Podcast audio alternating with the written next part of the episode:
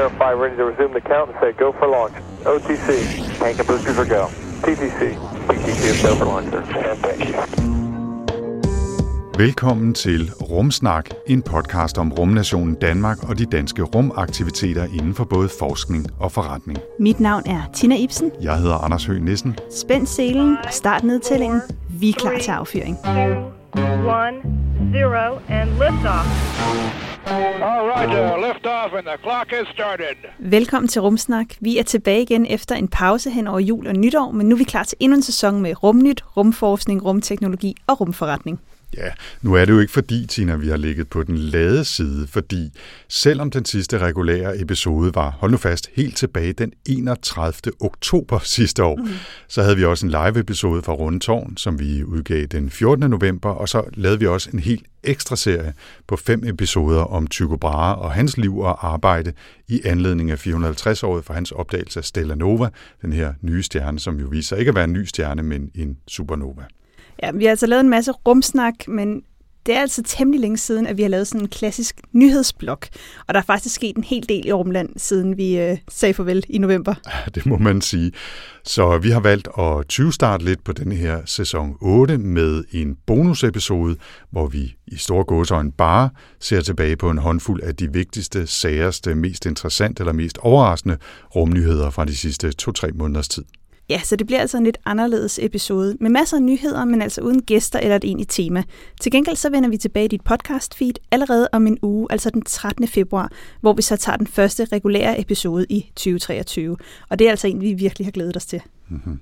Men for nu, så lad os kaste os ud i den her nyhedsbonus. Jeg hedder Tina Ibsen. Og jeg hedder Anders Høgh Nissen. Velkommen til. Three, two, one, zero, and liftoff. Og Tina, Ja, skal, det, er, det er kun nyheder den her nyheder. gang, ikke? så jeg vil ikke høre noget brøvl om, at jeg har fundet for mange nyheder eller for mange bonus, eller det er ligesom meningen med det hele. Ikke? Hvor mange øh, timer er der tilbage, at vi kan optage her lige nu? Der er øh, 7 timer og 53 minutter tilbage på SD-kortet. Okay, så øh, jeg håber, I har god tid derude, fordi at, øh, det bliver en lang episode den her gang. Ja, lad, os, lad os se, hvordan det går. Ja, lad, lad os gøre det, Anders, og det er også helt okay, at du får lov til at bestemme en gang i midten.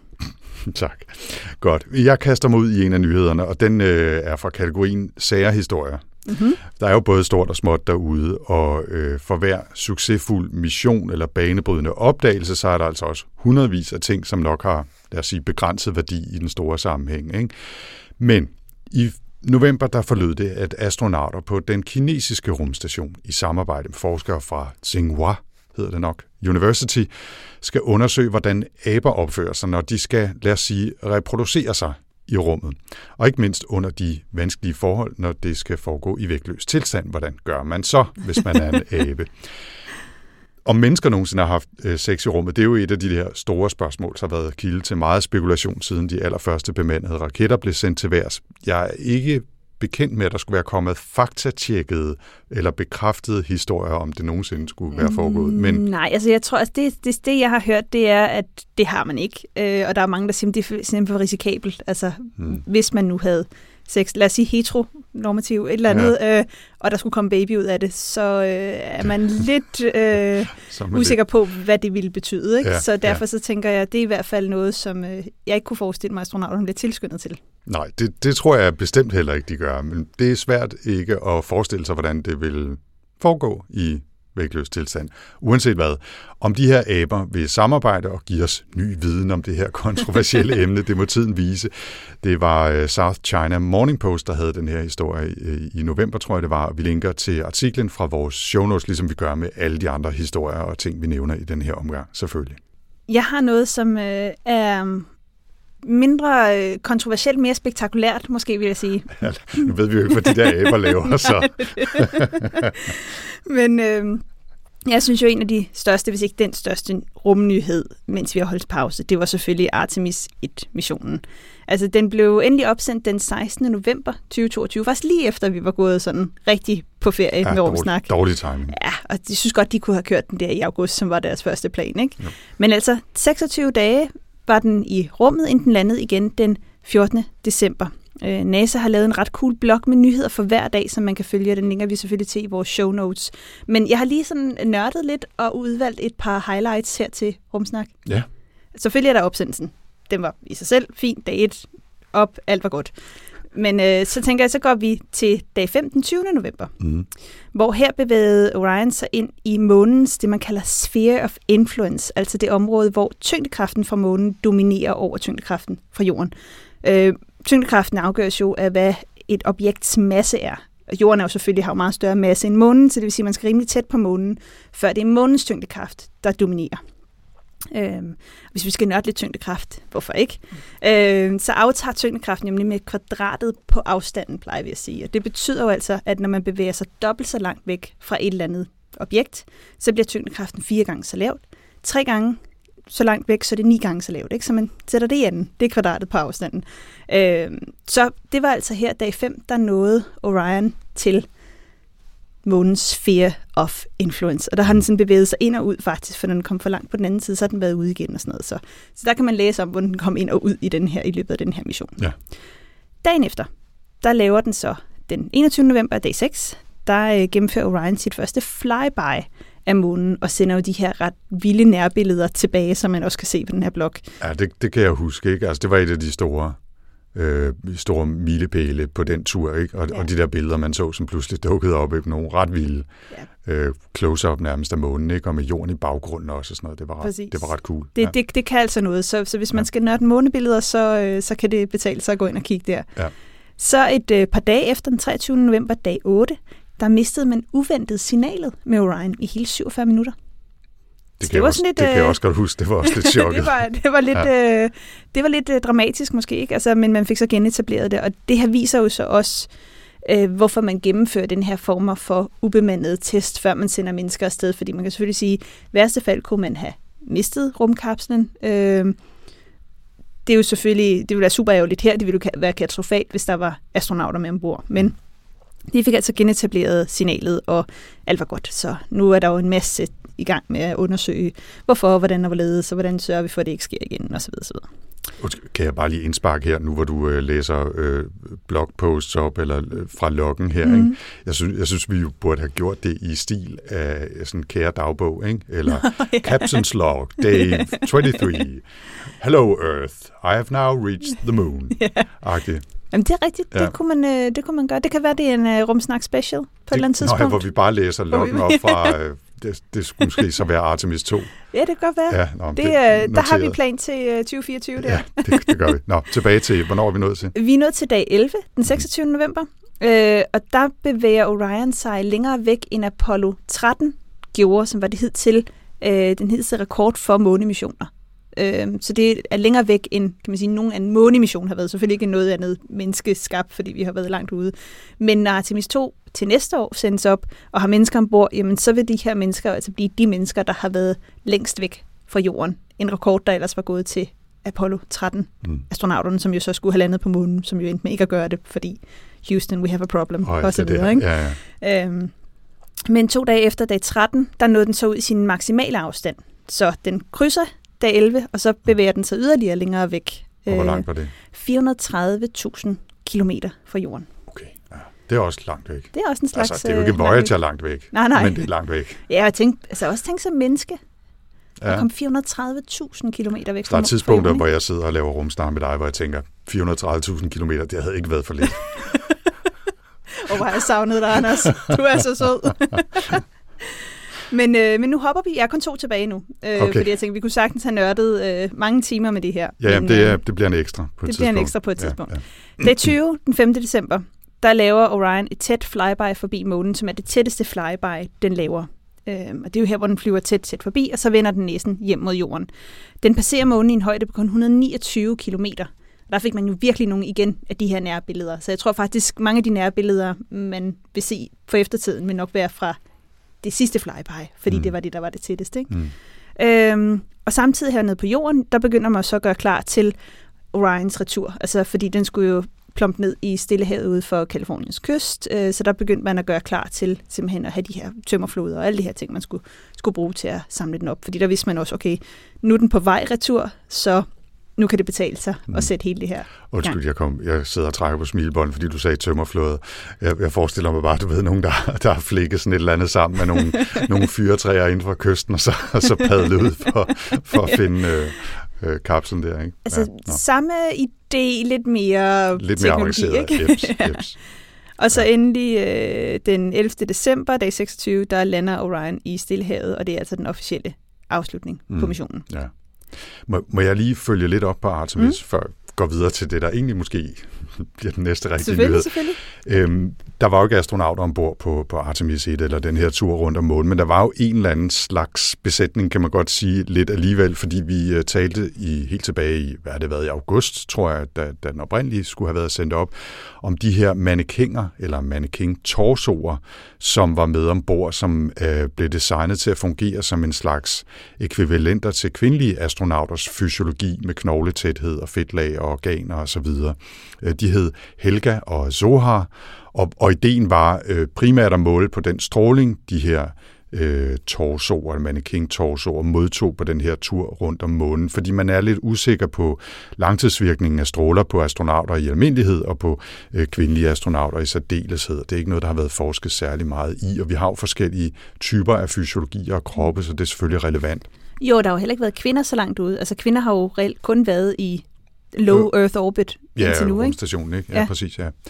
Øhm, Helga blev sendt afsted helt uden beskyttelse, Øh, men Sohar var heldig nok, kan man sige, til at blive udrustet med en særlig vest, som hedder AstroRad, som forhåbentlig kan yde en eller anden form for beskyttelse mod stråling. Og det er jo noget af det, som øh, den efterfølgende forskning nu skal vise, fordi nyheden, øh, som er knyttet til Artemis, er, at øh, Helga og Sohar klarede den her tur i fin stil, og efter et kort ophold på Kennedy Space Center, efter de var blevet fisket op af havet, så er de nu øh, klar til at øh, blive sendt til Køln for at blive analyseret. Der er over 12.000 sensorer monteret rundt omkring udenpå og inden i de her mannekinger. Der er selvfølgelig en masse data, der skal samles op og analyseres derfra i det her projekt, som i øvrigt hedder MER, Matroska AstroRad Radiation Experiment, og bliver ledet af det tyske Aerospace Center i Kølen, mens det er Israels rumagentur, der har stået bag øh, den her mannequin, der hedder Zohar.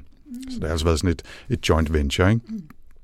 Og så bliver jeg simpelthen også i øvrigt lige nødt til at indsparke. Det var gået fuldstændig under min radar, men i, øh, i december, der blev også launchet en SpaceX-raket med et øh, japansk projekt på, der hedder iSpace Mission One Lander, som er den første, der er blevet sendt afsted i det her nye, kan man sige, ræs blandt private rumvirksomheder om at landsætte øh, en rover eller øh, instrumenter på månen. Øh, den blev sendt afsted i december, man skal faktisk først lande i april, tror jeg, ifølge planen. Og der er to andre private, som ikke er launchet nu, men tager en mere direkte rute, og derfor måske kan nå at komme først. Så der er sådan et gang i lidt spændende måneræs blandt også private aktører. Er månen altså blevet, øh, blevet hot igen, Ja, må det man må man sige. sige. Ja. Anders, jeg, kan- jeg kan se, at du har en hel liste, så øh, jeg tænker, at du får lov til at tage den næste igen. Jeg beklager, men, men, men sådan er det. Men jeg, nu er der 7 timer og 42 minutter tilbage, det skal nok gå. Go for it. Jeg nævnte den kinesiske rumstation før, og Kina har jo virkelig gang i deres rumaktiviteter for tiden. Den 29. november, der ankom tre nye astronauter, eller taikonauter, jeg ved ikke, om vi stadigvæk kalder dem det, til Tiangong-rumstationen, øh, og for relativt nylig er den også blevet officielt åbnet, så den altså nu gør ISS-selskab derop med en, en mere eller mindre permanent bemanding, permanent formodentlig de næste øh, mange år. Ikke? Den er dog noget mindre, cirka en femtedel af ISS, men er så omvendt noget mere moderne.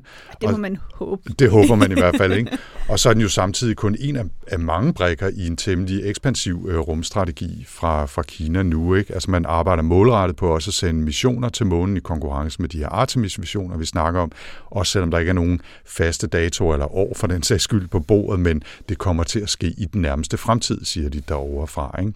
Nå, så det jeg egentlig vil fortælle om rumstationer og astronauter var, at der også blev præsenteret et nyt hold af ESA-astronauter her i vinter. Ja, det var en stor nyhed. Det var en stor nyhed, ikke? også selvom der ikke var nogen danskere blandt.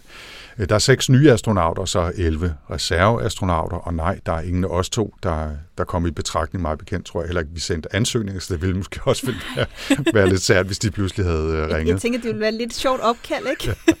Ja, nu skal du høre, du har ikke søgt om det, men vi vil gerne vi vil sende dig sende dig helvede til. Ja. Nå, øh, de fem første astronauter øh, hedder Sofie Adeno, Rosemary Coogan, Pablo Alvarez Fernandez, Rafael Lichois og Marco Sieber. Men den, der er potentielt mest interessant af de her nye astronauter, det er den sjette. Han hedder John McFall er en engelsk læge, og han har æren af at blive det, de kalder verdens første officielle parastronaut. Det er lidt svært at sige. Parastronaut er måske nemmere at sige Det er på ikke engelsk. paraastronaut. Det er bare paraastronaut. Det, det, det, det er sådan, jeg har set det skrevet. Okay. Det kan godt være, de kan, altså. Om de kalder det paraastronaut, det er nok nemmere at sige. Ikke? Mm. Og det er jo en eller anden ny opfundet betegnelse for astronauter, som har en eller anden form for funktionsnedsættelse. Øh, McFall her, øh, som er 41, han fik for 20 år siden amputeret sit højre ben efter en motorcykelulykke. Men det har så ikke øh, forhindret ham i at blandt andet være olympisk atlet, og nu er han så også blevet øh, en af ESA's kommende astronauter, den første para-astronaut, eller hvad vi nu skal kalde det. Ikke? Øh, så tillykke til ham, og selvfølgelig også øh, tillykke til, til resten af det nye hold. Ja, det er super spændende. Og som du sagde, så var der jo ikke nogen danskere i blandt de nye. Det var der sådan lidt godt en sådan rumlen om, det ville der nok ikke komme, fordi i sidste ende, så er det jo også politik, der afgør. Det er jo, de er jo selvfølgelig rigtig, rigtig dygtige, alle dem, der er blevet valgt, men man står måske med 50 eller 100 kandidater, der kunne klare jobbet til sidst, og så er det jo alt muligt andet. Og nu har vi i Danmark en astronaut. Vi er også en af de lande, der betaler mindst til ESA, mm-hmm. så, så der er alle mulige grunde til, at, øh, at vi ikke har fået. Så vi må altså nyde Andreas Mogensens mission, Hugin-missionen her til efteråret, ja. fordi det bliver sidste gang nok i rigtig mange år, vi får en dansker i rummet. Ja. Medmindre der er nogen derude med store lommer, dybe lommer, som kører sig en plads et eller andet sted. Det kunne være, Det ja. kunne være, at der blev mulighed for det. Ikke? Så, så det er noget privat, det er nok ikke Ja. ja. ESA-astronauter, vi, vi, skal øh, gå efter. vi laver en øh, crowdfunding, og, øh, og jeg tager gerne turen, for jeg ved, du er ikke så forhippet på at blive fyret afsted. En lille tur, altså Okay. det ville måske være okay. Alright, godt. Vi kan godt fonde til to. Ja, hold, øje, hold øje med rumsnak.dk. Ja. Men når vi nu taler om astronauter Andreas Mogensen, så er han jo i fuld gang med at forberede sig til Hugin-missionen, som efter planen skal sendes afsted her i slutningen af august. Det skulle have været midten af august, nu siger rygterne slutningen af august. Og det er jo fordi, at øh, mens vi har holdt ferie også, så har der faktisk været sådan lidt drama op på den internationale rumstation. Mm. Øhm, fordi der har været problemer med de her russiske Soyuz rumkapsler, altså de her kapsler, der fragter astronauter fra jorden til rummet og tilbage igen. Øhm, fordi den 14. december, der så man, at øh, en Soyuz-kapsel, altså den Soyuz-kapsel, der lige nu er tilkoblet rumstationen, den begyndte at lægge kølervæske. Øh, og noget tyder på, det er i hvert fald det, man tror lige nu, at den er blevet ramt af en, en eller anden form for mikrometeorit. Og det er jo sådan nogle bitte, bitte små, altså sandkorn nærmest, der jo rejser med altså over 20.000 km i timen. De kan jo virkelig skade, hvis, øh, hvis de rammer noget. Ikke? Mm. Der er ikke noget, der tyder på, at det kan have været, øh, været rumskrot, som der var først nogen, der mente. mente. Altså, der er jo stadig sådan lidt rygter om, at det måske kan have været en eller anden form for konstruktionsfejl, der har gjort, at, at det er gået så galt. Ikke? Øhm, men altså uden kølervæske, der bliver det lidt ubehageligt for de her to russiske kosmonauter og den her øh, amerikanske astronaut, der tager turen tilbage til jorden. Altså det, de siger, det kan godt lade sig gøre, men det bliver rimelig varmt. Så man vil helst ikke gøre det. øhm, og det er ikke muligt at reparere rumkapslen, fordi den sidder sådan lidt dumt i forhold til, hvis man skulle lave en van- rumvandring. Det er jo også altid behæftet med en masse udfordringer at tage rumvandringer. Så lige nu er den plan, der er blevet lavet, at en ny kapsel skal sendes til øh, en tom Soyuz rumkapsel skal sendes til rumstationen, og så skal den ødelagte sendes retur. Øhm, problemet er, at man vil jo helst ikke have et for stort slip, fordi hvis der skulle ske et eller andet på rumstationen, så er det jo deres tur tilbage, og der sidder godt nok en SpaceX-kapsel deroppe nu, men den er jo kun til de astronauter, der er sendt op, så man har jo ikke sådan en, en nødbåd eller reserve man kan, eller andet. Man vel? kan ikke lige, øh, der er ikke noget, der hedder Uber for Space, så man kan ikke lige ringe efter en taxa, vel? Nej, præcis. Så, så derfor så, så er der hele den her nu, og det har også forsinket den næste SpaceX-opsendelse øh, et par uger. Den skulle have været i midt øh, februar, men nu er det nok slut februar, og det, som, som ESA øh, officielt i hvert fald er ude at sige, det er, at de regner med, at den mængde, som denne her mission udsættes, er også det, vi kan forvente, at Andreas' mission udsættes. Mm. Så lige nu øh, hedder det nok slut august, start september. Ja. Men øh, udover det, det, så giver det jo Andreas en lille smule mere tid til at træne. Han er jo i fuld gang med sin, øh, sin træning, og jeg ved, at der er 10 danske forsøg, som øh, er blevet udvalgt til, at Andreas skal udføre dem på rumstationen. Øh, og vi linker til lidt mere information om dem i vores show notes. Der er faktisk også et par gamle kendinger fra Rumsnak med, blandt dem, der er blevet udvalgt til de her øh, forsøg. Og så ud over det, jamen, så er han jo i gang med, jeg har set mange billeder af Andreas, hvor han sidder og tager blodprøver på sig selv og diverse, så der, er, der er fuld gang i træningen øh, lige nu til, ja. øh, til Hugin. Også selvom om, der, det føles som om, der er lang tid til august-september Men altså, der er ikke lang tid for Andreas. Han skal helt afgjort øh, træne og træne sig op og øve sig i alle de her forsøg og alt muligt mm. andet, ikke? og jeg er sikker på, at det kommer også, før vi, før vi venter det. Ja, mange af de her forsøg, øh, som skal sendes op, altså de skal jo leveres nu eller inden for et par uger til ESA, så de kan gennemgå test, og så skal de jo sendes op her i løbet af foråret. Øhm, så jeg ved blandt andet, der er hele det her 3D øh, metalprint, han skal lave. Der er det meningen, at det, den skal sendes op her i løbet af foråret, den 3D metalprinter, han skal mm. bruge. Ikke? Så, så der er virkelig mange ting i gang øh, omkring hans øh, missioner. Der er jo rigtig mange forsøg, som ikke er blevet offentliggjort endnu, og hvor jeg ved også, de ikke engang har styr på helt, hvad han skal lave.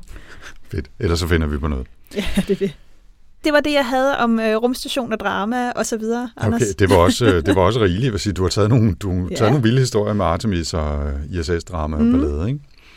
Øhm, der er også drama i den næste historie. Uff. Fordi øh, nu har vi talt om, om Artemis 1, som jo øh, trods alt var igennem nogle forsinkelser, men dog blev sendt op med stor succes. Og i talende stund, vi optager her den 30. januar, så går vi også og venter på det, der forhåbentlig bliver en vellykket test af Starship prototype 24 fra øh, SpaceX, som jo er deres kolossalt store raket. Ikke? Ja, det kan man. Men det er, ikke, det er ikke alle, der er lige heldige med deres launches. Ja, der er et uh, selskab, der hedder Virgin Orbit, som ikke Virgin Galactic, som gerne vil sende turister ud i rummet, men Virgin Orbit, som gerne vil være en launcher, ligesom SpaceX sender satellitter og alt muligt andet øh, op. Og de forsøgte her i begyndelsen af januar at launche det, som ifølge planerne skulle blive den første raket fra britisk jord siden oktober 1971. Det er mange år siden. Det er næsten lige så mange år, som jeg er. Det var, den, øh, det var dengang den første og sidste orbitale raket, der hed Black Arrow, der blev sendt op med satellitten Prospero øh, fra, fra England.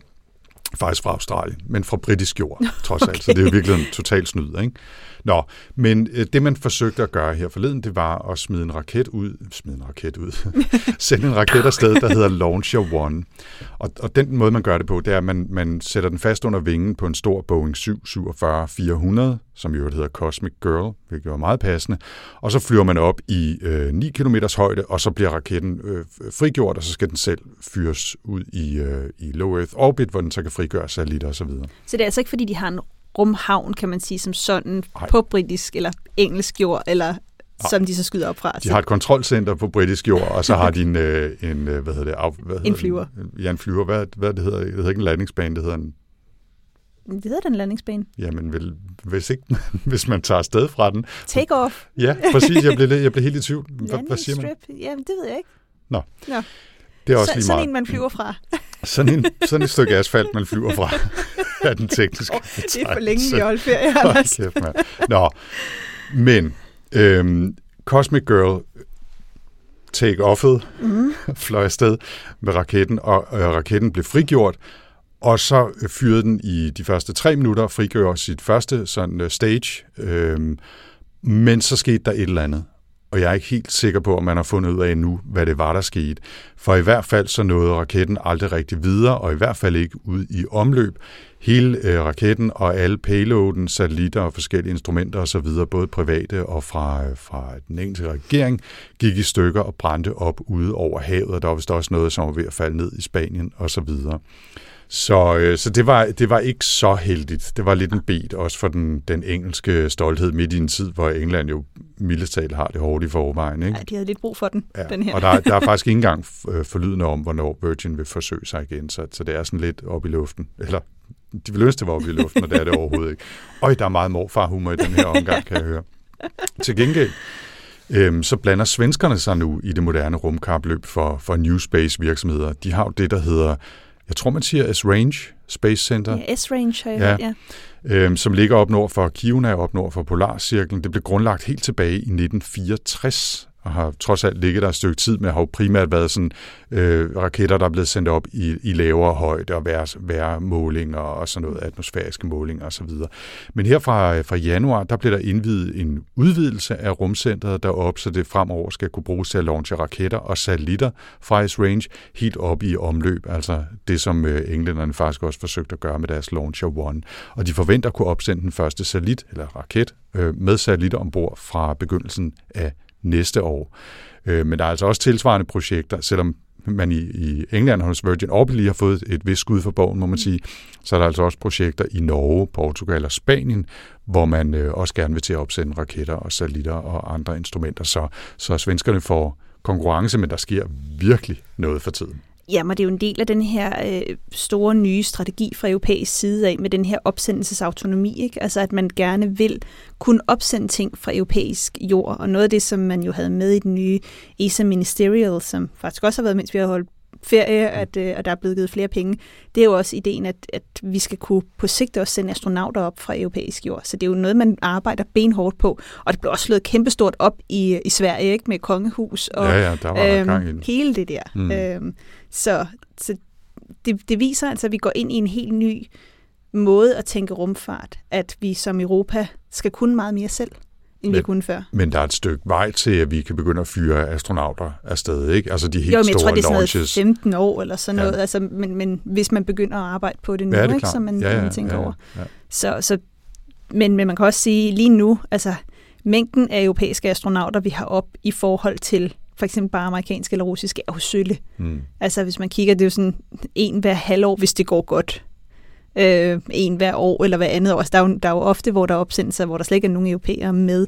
Og nu har man jo lige valgt en helt ny omgang astronauter, plus en masse af de her reserveastronauter, som jo også gerne skulle op og lave noget arbejde. Ikke?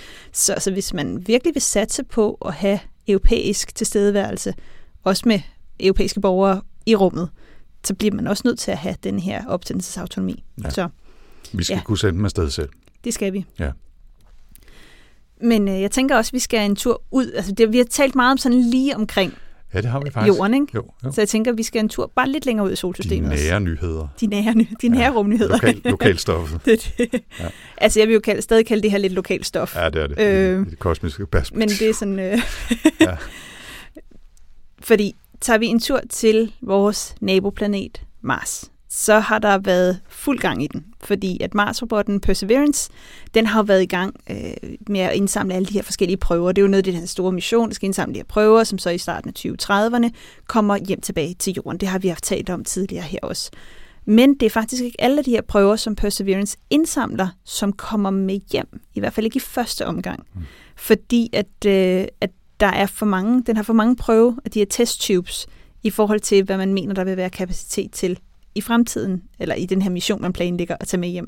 Så det, den gør, det er simpelthen, at den laver nogle prøver, og så kaster den dem på jorden, og sådan ligesom siger, det er her, den ligger. Mm-hmm. Øh, og så laver man en, et, et kryds på et kort, og så er det meningen, at man i fremtiden vil kunne indsamle øh, de her prøver også med senere missioner. Mm. Øh, lige nu er der blevet indsamlet 18 prøver, hvoraf to af dem er blevet efterladt på overfladen. Øh, det er ret fedt. Jeg var inde sådan og nørde lidt med det, at NASA inde på deres øh, Perseverance eller Mars 2020, som, som missionen også hed, der kan man simpelthen se samtlige de her prøver, hvor de er opsendt, om de ligger inde i maven på roveren, hvad det er, der er i den. Man kan se kort over, hvor de er, og alt sådan noget. Altså, er det en atmosfærisk prøve? Er det en øh, stenprøve? Boreprøve? Er det noget støv? Eller hvad er det? Så hvis man tænker, at øh, hvad skal jeg da bruge fredag aften på? Så øh, kan man altså gå ind og, øh, og nørde nogle af de her øh, Mars-prøver. Men indtil nu er to af dem altså blevet smidt, og øh, forhåbentlig bliver de jo så hentet op af senere missioner. Kender du det, der hedder geocaching? Ja. Jeg forestiller mig, at det er sådan en slags uh, interplanetarisk øh, geocaching, det her. Ikke? Altså får man nogle koordinater på noget, der ligger et eller andet sted, og så, så kan man øh, ligesom krydse af på en liste, og nu har man været derhen og, og samle prøverne op. Ja, Ikke? det er meget sjovt. Og så er ideen med geocaching, at man lægger noget andet i stedet for. Så prøv at forestille dig at være astronaut og tage hen til sådan et sted, og så Mm. opdage, at der ligger Men en, en rulle Oreos eller sådan noget i Geo, stedet hvis for. det er Mars. Geo er vel jord, Good eller... point. Så hedder det Mars caching. Ja, Okay, tænker jeg. vi får se. Nå, jamen, øh, og, og det, var, det var lidt nyt fra Mars.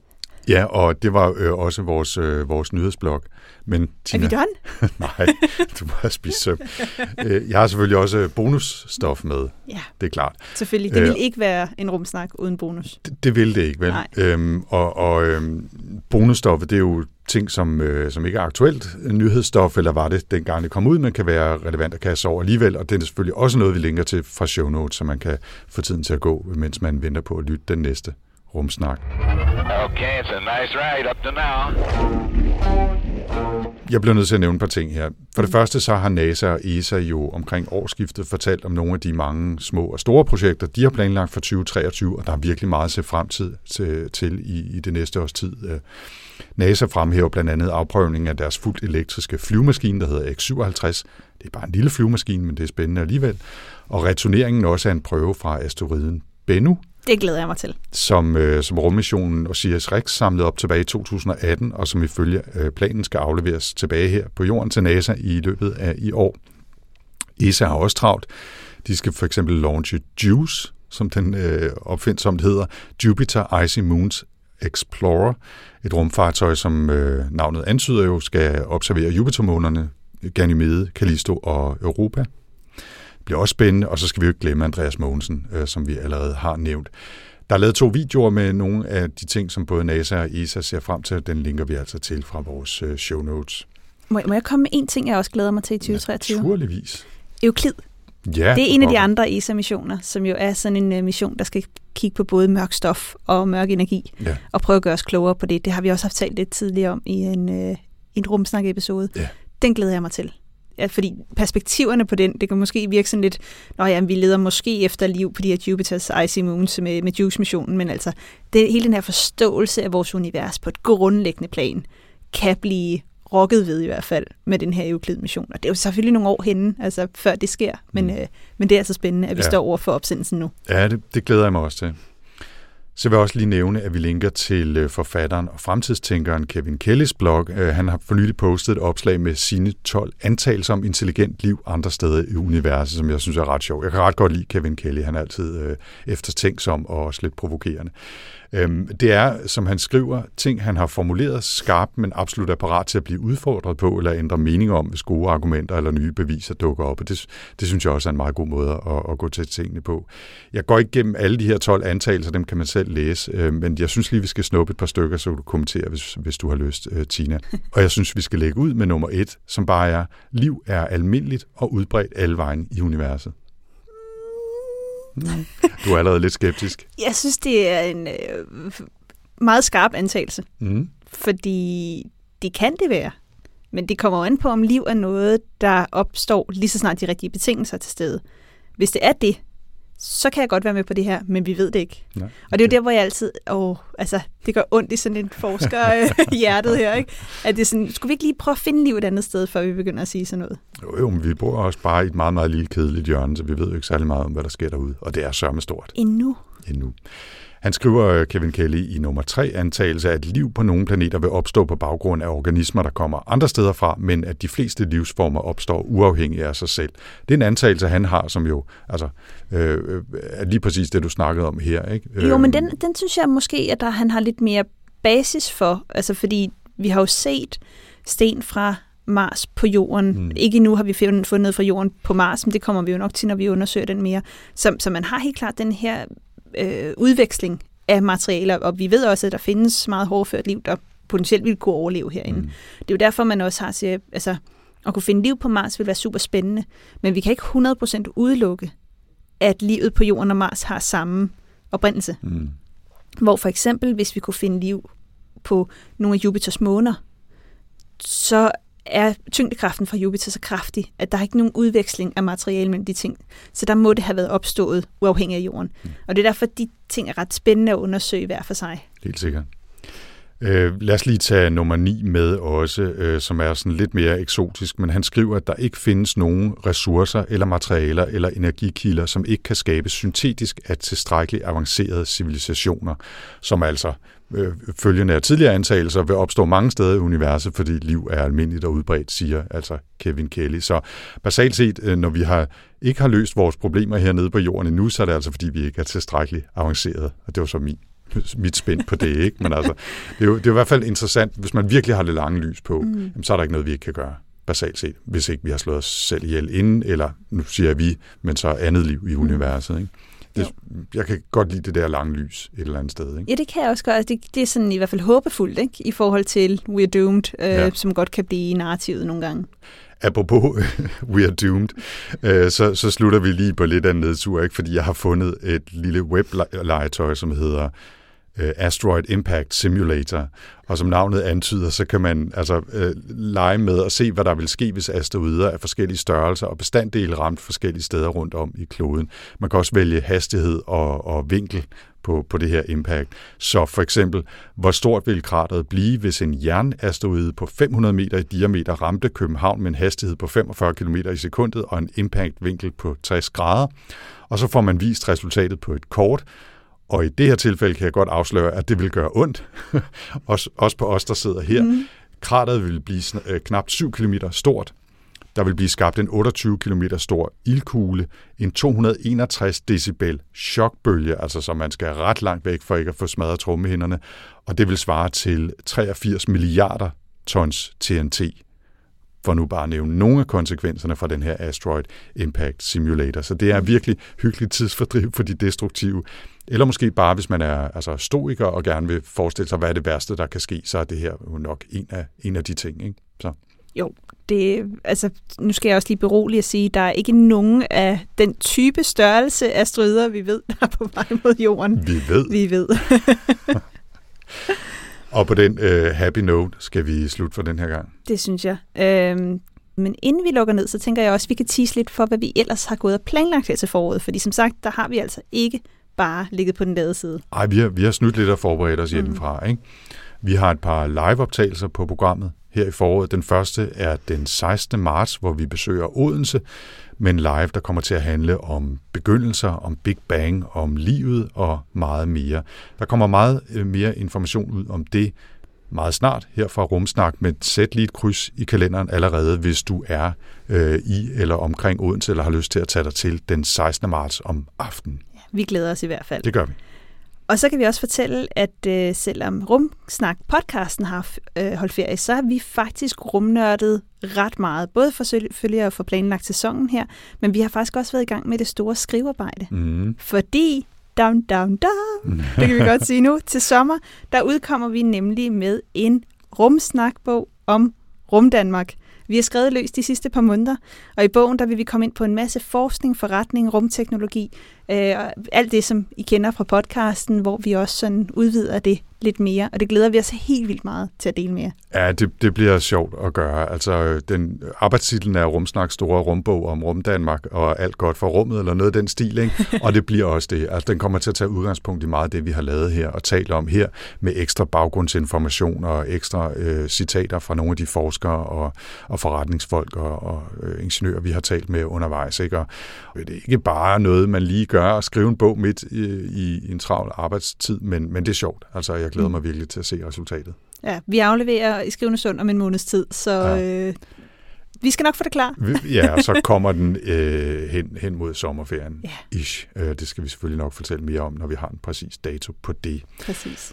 Så der er forhåbentlig en masse at se frem til, selvom vi jo også lige bliver nødt til at sige, at der er jo ingen planer, der overlever mødet med virkeligheden, så det kan godt være, at der dukker nogle nye temaer op undervejs, eller at den ene, det ene tema bliver skubbet lidt i forhold til det andet, og bogen, hvornår kommer den præcis på hvilken dato, og hvordan kommer forsiden til at se ud. Der er mange ting, der er oppe i luften lige nu. Men jeg er sikker på, at øh, der nok skal komme en masse godt stof til jer derude, også her i podcast-feedet. Ja, det tror jeg helt bestemt også. Og nu glæder jeg mig også til, at vi skal i gang med den her sæson for alvor i næste uge. 5, 4, 3, 2, 1, 0, and liftoff. Og med det er Rumsnak så landet for denne første lille gang her i sæson 8, men vi er altså, som vi sagde i starten, allerede tilbage om en uge. Vi har været over besøg Lego, nemlig i december, for at høre om nogle af deres rumrelaterede undervisningsaktiviteter, og Tina har blandt andet også fået lov til at bygge en lille robot for åben mikrofon, og det kan man altså høre meget mere om i den næste episode af Rumsnak. Ja, det var rigtig spændende at høre mere om deres undervisningsprogrammer. Øhm, og jeg vil også sige, jeg synes da, at øh, jeg havde ikke helt fået at vide, hvad jeg skulle på forhånd, så jeg synes, I udfordrede mig en lille smule. Et on a need-to-know basis. det det. Ja. Hvis man ellers gerne vil vide mere om Rumsnak, så kan man finde os på Facebook, Instagram og LinkedIn, og så har vi selvfølgelig også vores egen lille butik med Rumsnak merchandise på vores site, som hedder rumsnak.dk. Og husk også at tjekke show notes til podcasten, hvor vi linker til mere information om dagens emner. Hvis man har spørgsmål eller kommentarer, så kan man altid sende en mail til infosnabelag eller skrive til os på vores diverse sociale medier. Ja, vi tager altid meget gerne imod øh, input og idéer, så husk også, at hvis du synes, det har været spændende at lytte til Rumsnak, så del meget gerne feedet med familie, venner og andre rumnysgerrige. Rumsnak er støttet af Novo Nordisk Fonden og bliver produceret af Potlab. Jeg hedder Tina Ibsen. Og jeg hedder Anders Høgh Nissen. Tak for denne gang.